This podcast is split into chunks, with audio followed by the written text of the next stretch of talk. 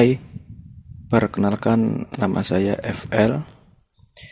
Saya berasal dari Jawa Barat.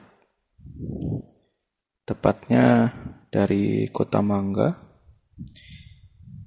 Saya mau berbagi cerita horor yang pernah saya alami. Jadi, kejadiannya itu sekitar tahun 2010-2011. Waktu itu di mana saya masih suka nongkrong-nongkrong gak jelas hingga larut malam. Dan tempat nongkrongan saya itu lumayan jauh. Jaraknya sekitar 200 meter. Dan saya kalau nongkrong itu jalan kaki. Oke, sebelumnya saya mau gambarkan kondisi jalan yang saya lewati ketika berangkat buat nongkrong.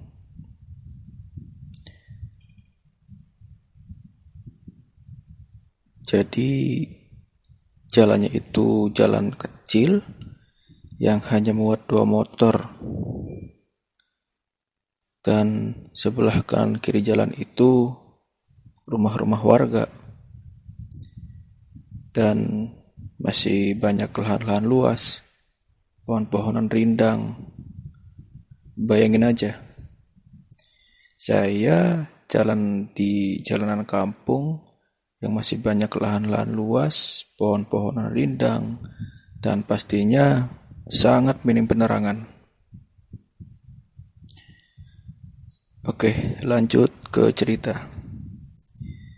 Saya kalau nongkrong itu di rumah teman saya. Sebut aja inisialnya N.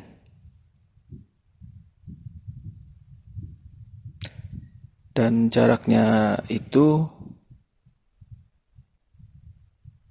lumayan jauh, sekitar 200 meter. Ya sebenarnya ada sih di dekat-dekat rumah teman-teman seumuran dengan saya. Tapi saya kurang cocok aja dengan cara bergaulnya. Ya, makanya saya memilih nongkrong di rumah teman saya si N ini. Dan langsung aja eh, malam pertama saya nongkrong. Waktu itu saya berangkat nongkrong pukul 20.00 atau jam 8 malam. Dan saya nongkrong dengan teman-teman saya sekitar empat orang. Ya, kita kayak abg-abg di luar sana. Kita main gitar-gitaran, nyanyi-nyanyi, joget-joget gak jelas. Hingga waktu itu gak kerasa uh, waktu menunjukkan pukul setengah dua dini hari.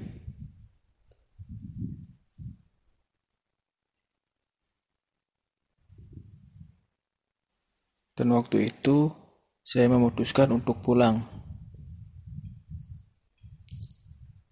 dan saya pulang jalan kaki dan alhamdulillah saya pulang sampai rumah dengan aman. Waktu itu belum terjadi apa-apa. Sampai rumah, saya langsung tidur. Dan pagi, ya seperti biasalah kita melakukan aktivitas sehari-hari.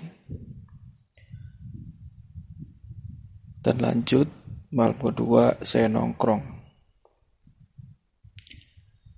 Hmm, di malam kedua ini sedikit berbeda ya.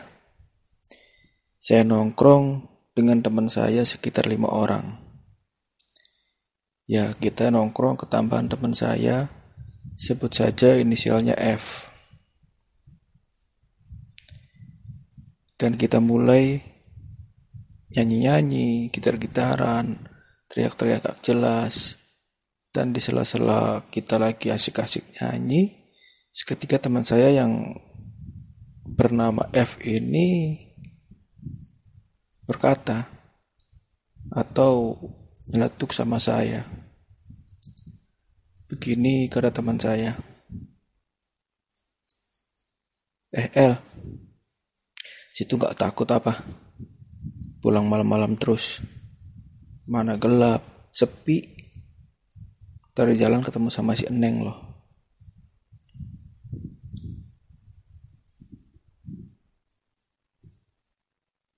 Dan waktu itu saya dengan sombongnya menjawab, Ya elah, sama gituan doang takut. Ini zaman sudah modern bro, masa takut sama begituan. Begitu saya jawab.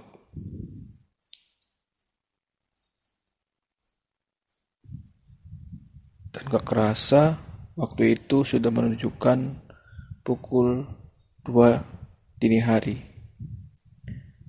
Dan saya memutuskan untuk pulang. Saya masih jalan kaki waktu itu.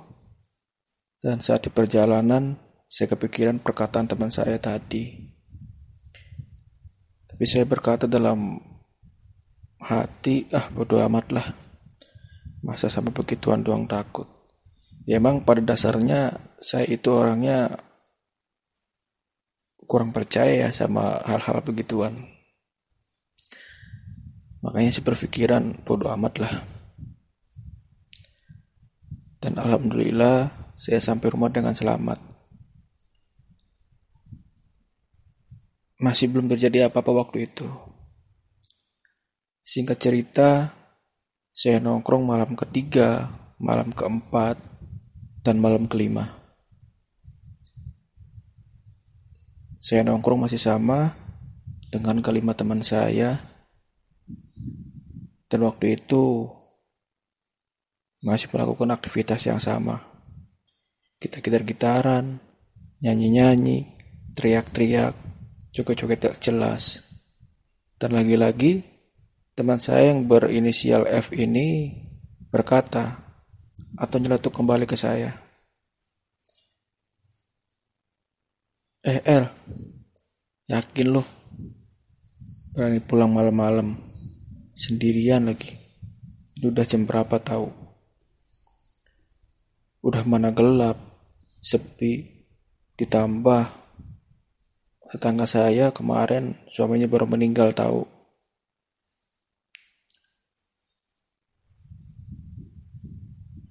Dan seketika mendengar kata meninggal, saya langsung terdiam sejenak. Langsung dek.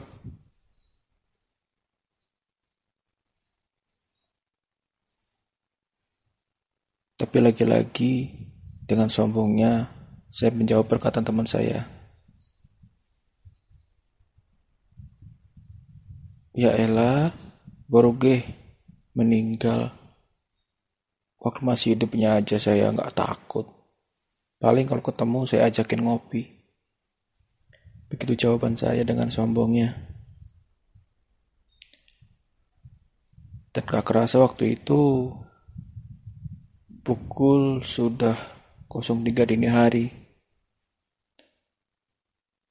Dan saya memutuskan untuk pulang. Ya, saya pulang masih jalan kaki waktu itu melalui jalan yang sepi, kiri kanan rumah warga dan lahan-lahan luas yang dipenuhi pohon-pohon rindang dan jalan yang gelap.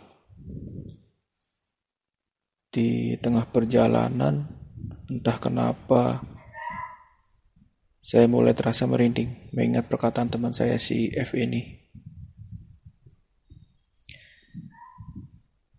Sebenarnya sih sedikit lagi sampai rumah saya. Ya sekitar tujuh rumah lagi lah nyampe. Tapi ketika sampai rumah tetangga saya sebut saja namanya R ketika sampai rumah R ini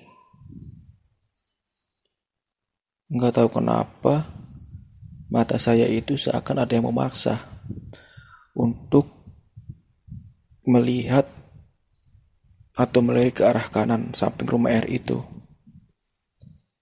Jadi di samping rumah air itu terdapat atau ada semacam empang atau kolam ikan peliharaan gitu. Nah, di samping empang itu ada pohon jambu yang doyong ke atas empang itu. Nah, nggak tahu kenapa sampai di situ mata saya tertuju ke pohon jambu itu.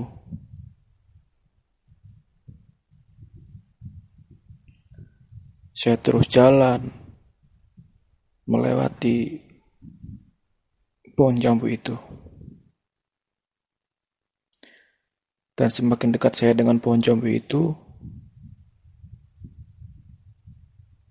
saya kaget. Saya terkejut, sangat terkejut.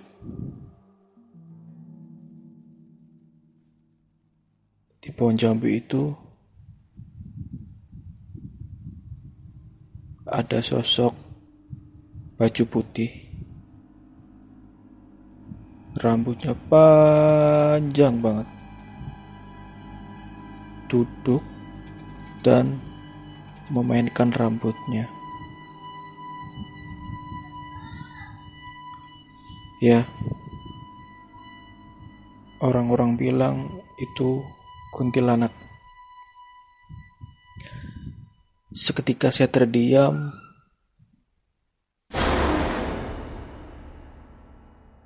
Kaki saya lemas. Badan saya kaku. Bahkan mulut pun saya mau berteriak. Tidak bisa. Waktu itu saya hanya bisa membaca doa dalam hati.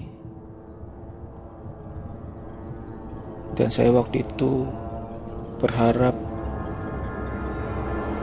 si kuntilanak ini tidak melihat atau memalingkan mukanya ke arah saya.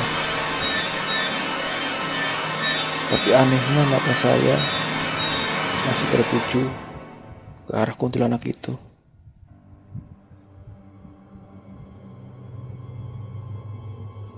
dan kuntilanak itu mulai mengangkat perlahan-lahan ke arah saya.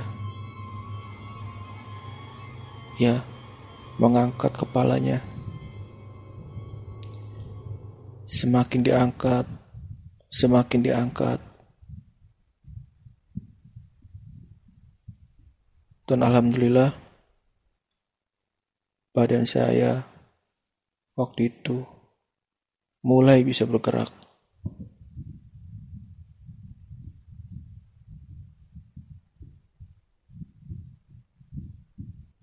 Waktu itu saya langsung lari sekencang-kencangnya.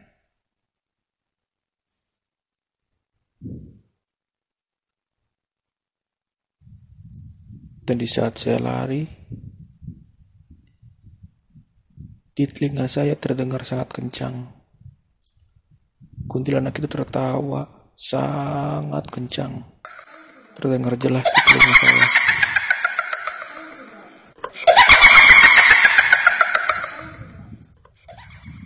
Saya terus lari, lari saya tidak menghiraukan tanaman atau apa yang di depan saya saya tabrak waktu itu. Dan sesampainya di rumah, saya getor-getor pintu sangat keras. Sampai ibu saya kaget dan berkata, Ada apa? Kenapa? Tapi saya waktu itu tidak mau menjawab kalau saya habis ketemu si kuntilanak. Saya hanya menjawab, gak apa-apa koma, tadi gerimis, makanya saya buru-buru.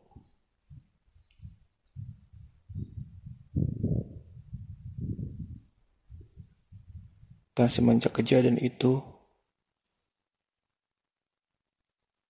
saya trauma untuk pulang malam sendirian.